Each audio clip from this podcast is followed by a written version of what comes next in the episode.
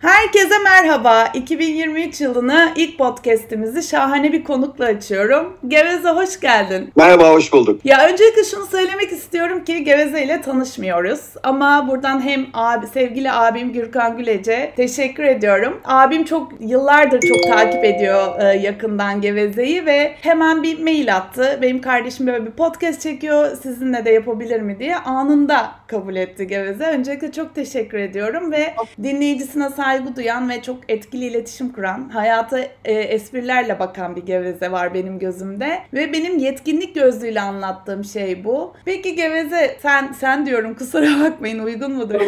Ben senim zaten.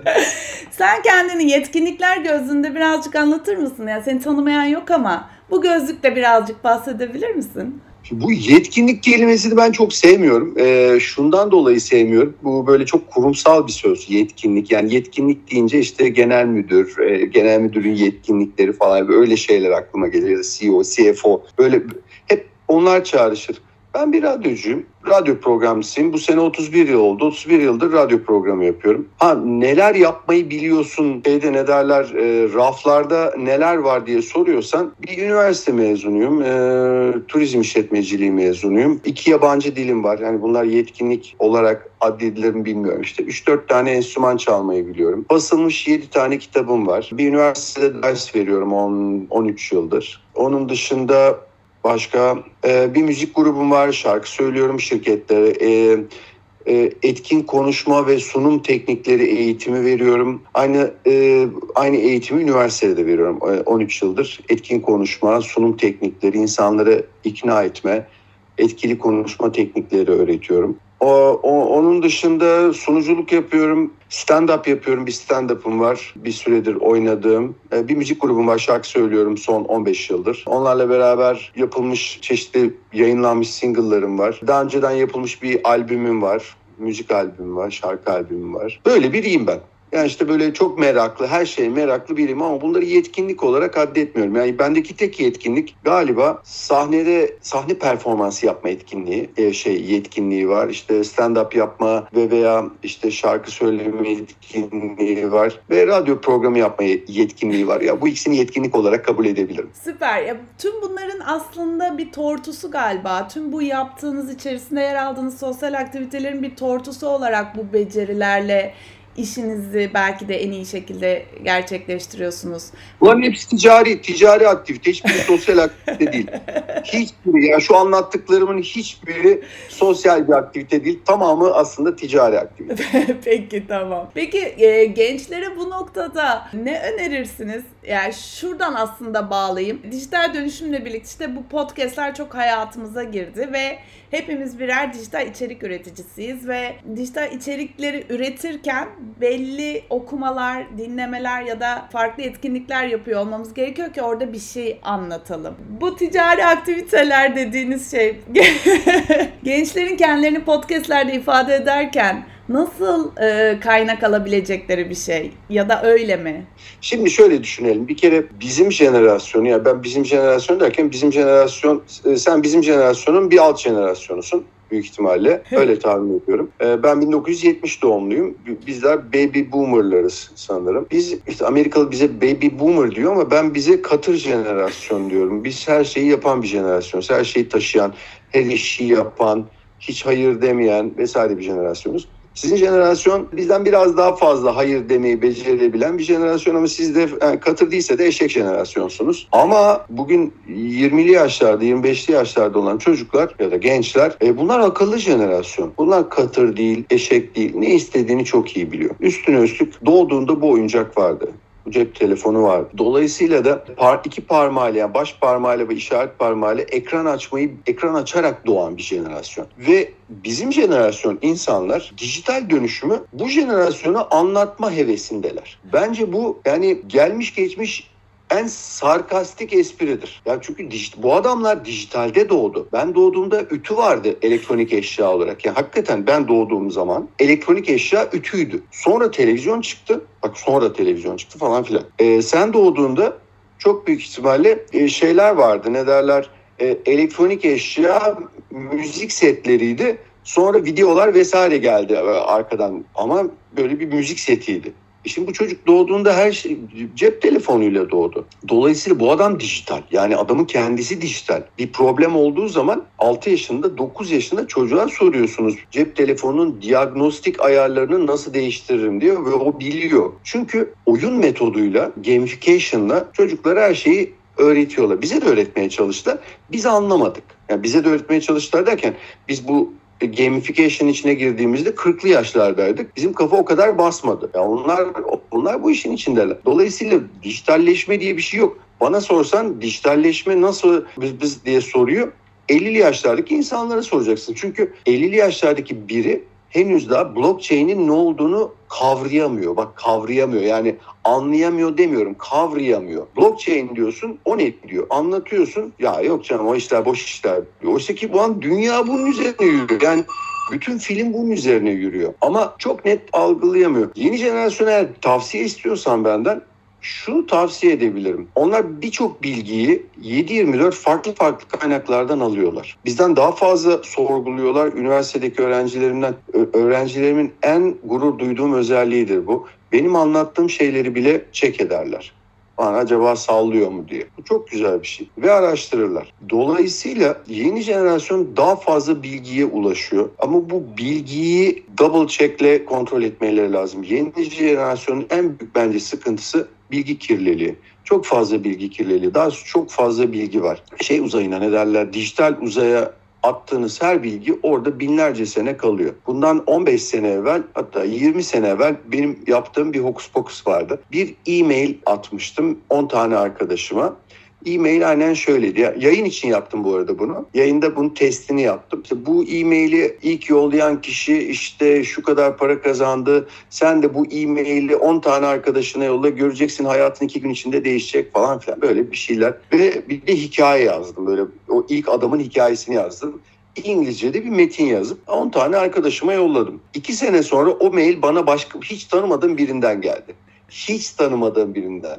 Aynı mail, benim yazdığım mail. Aynı bilgiyle. E, ve bu böyle bilgi uzayında dolaşan yalan, yanlış bir bilgi. Bir yığın yalan, yanlış bilgi var e, bilgi uzayında dolaşan. E, yeni jenerasyonun bence tek derdi bunları ayıklayabilmek. Bunları ayıklayabilmek için de çok fazla okuma yapmaları gerekiyor. Yani bir tavsiye istiyorsanız onlara yapabileceğim şey tek şey budur.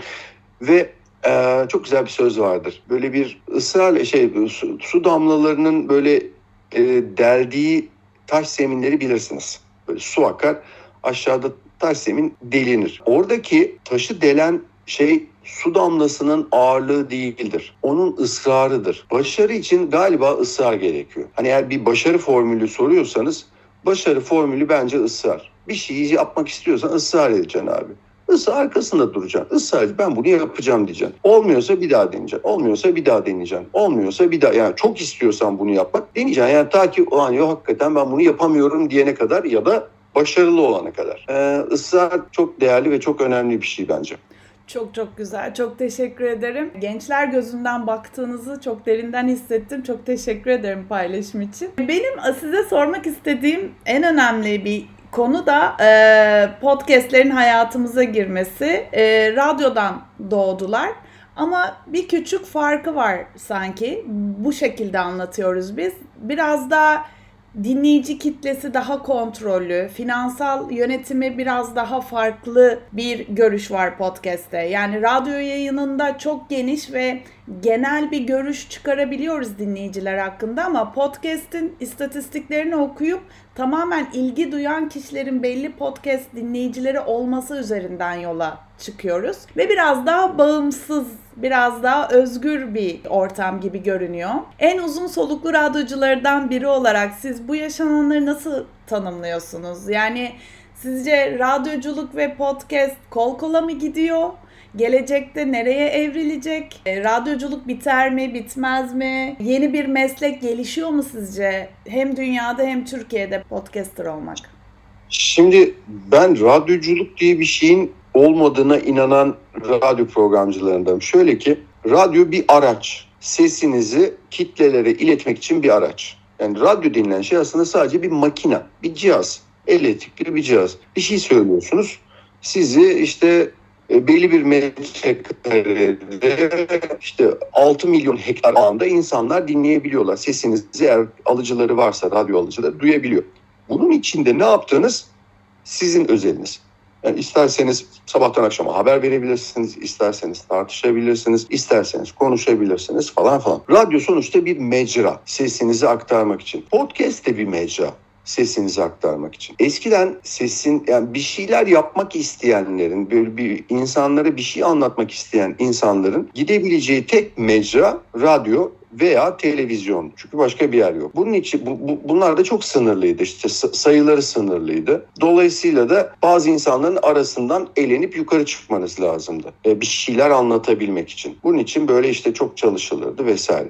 Şimdi bir mecra var. Ee, bütün bu bahsettiğimiz şeyleri cep telefonunuzdaki bir şey uygulamasından ne derler Instagram uygulamasından canlı yayın açıp da yapabilirsiniz. Sesinizi kitlelere duyurmak için sizi ister çok insan beğenirse binlerce on binlerce kişi seyreder. Beğenmese boş ekrana yaparsınız. İki kişi seyreder, bir kişi seyreder ya da hiç kimse seyretmez. Podcast'te bunun bir benzeri. Dünya artık şeysiz, merkeziyetsiz bir e, yere gidiyor. E, bu çok güzel bir söz. Ben seviyorum bu merkeziyetsiz sözünü. Şimdi yaşadığımız şeyin ne derler? Yaşadığımız ülkelerin çeşitli kuralları var. Bu kuralların dışında bir şey yapamazsınız. Eğer global bir yayın yapıyor ya da işte glob evet bir, ulusal bir yayın yapıyorsanız ya da yerel bir yayın yapıyorsanız orada e, tütün tütün mamullerinden bahsedemezsiniz ve veya işte alkolle alakalı bir şey anlatamazsınız. Çünkü yasaktır. Yasa vardır. Radyo, televizyon üst kurulu bunu yasaklar. Bunlardan bundan bahsedemezsinler. Şimdi bu sizin özgürlüğünüzü de kısıtlar ve çok fazla insana ulaşırsınız.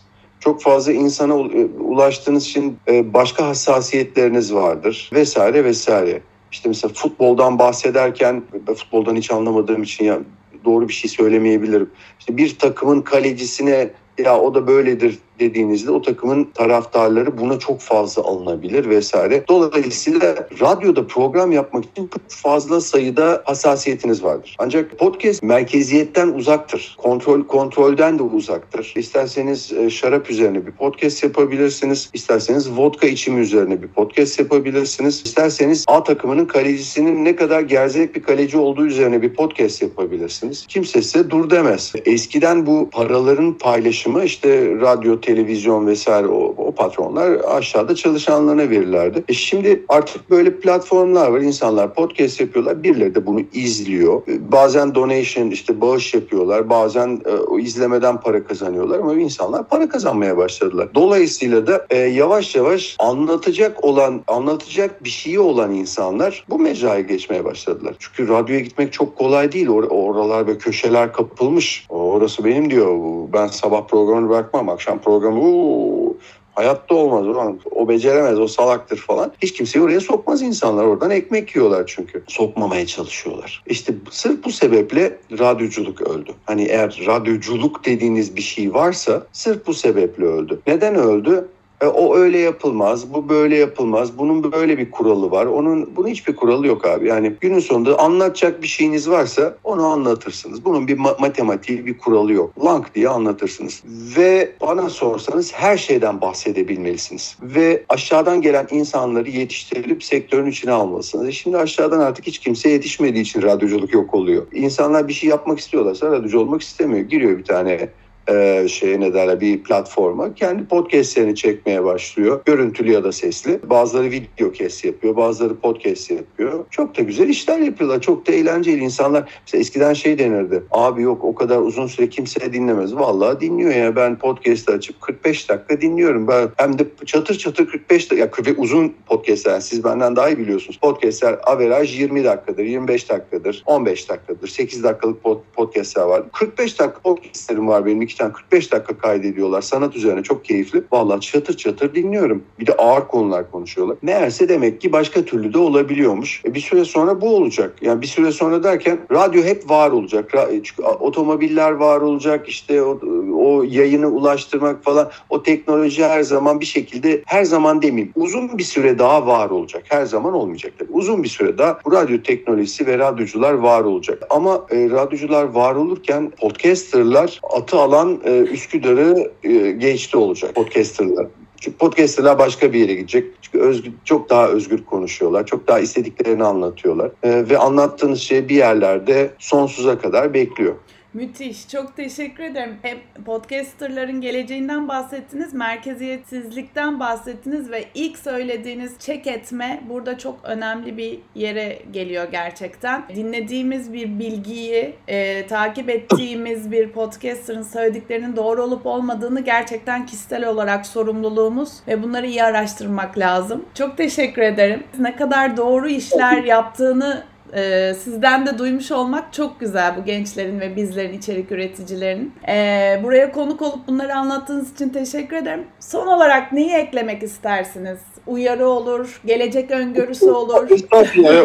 ve birilerini uyaracak kadar bir konuya hakim değilim ama geçen gün oğlumla konuşurken oğlum e, bir üniversitede ekonomi okuyor. Ona dedim ki şöyle bir ma- matematik var dedim. Sen bir iş başvurusu yaptığın zaman, yapacağın zaman işte yakında bir iş başvurusu yapacak. Yapacağın zaman senden karşıdaki adam, karşındaki insan onun gibi çalışmanı isteyecek. Onlar nasıl çalışıyorsa sen de öyle çalış isteyecek. Ancak sen öyle bunu yapmak istemeyeceksin. Çünkü sizin jenerasyon öyle çalışmak istemiyor. Ancak tamamen yok abi ben öyle çalışmak istemiyorum. Ben böyle çalışmak istiyorum dersen e, hiç kimse birbirine yaklaşmamış olacak. Sen bir adım atacaksın öbür tarafa ve göreceksin ki öbür tarafta bir adım atacak sana doğru. Yavaş yavaş yaklaşacaksınız. Ne sen kendi ilk noktanda olacaksın ne karşı taraf ya da e, kurumsal tarafta kendi durduğu noktada olacak. Kurumsal taraf evrilecek sen de evrileceksin. Ortada bir yerlerde buluşacaksın. Sonra sen o kurumsal tarafa geçtiğin zaman bir gün karşına senin gibi 21 yaşında biri gelecek ve sen ona bir adım atacaksın, o da sana bir adım atacak. En sonunda böyle bir hareket olacak. Yavaş yavaş olacak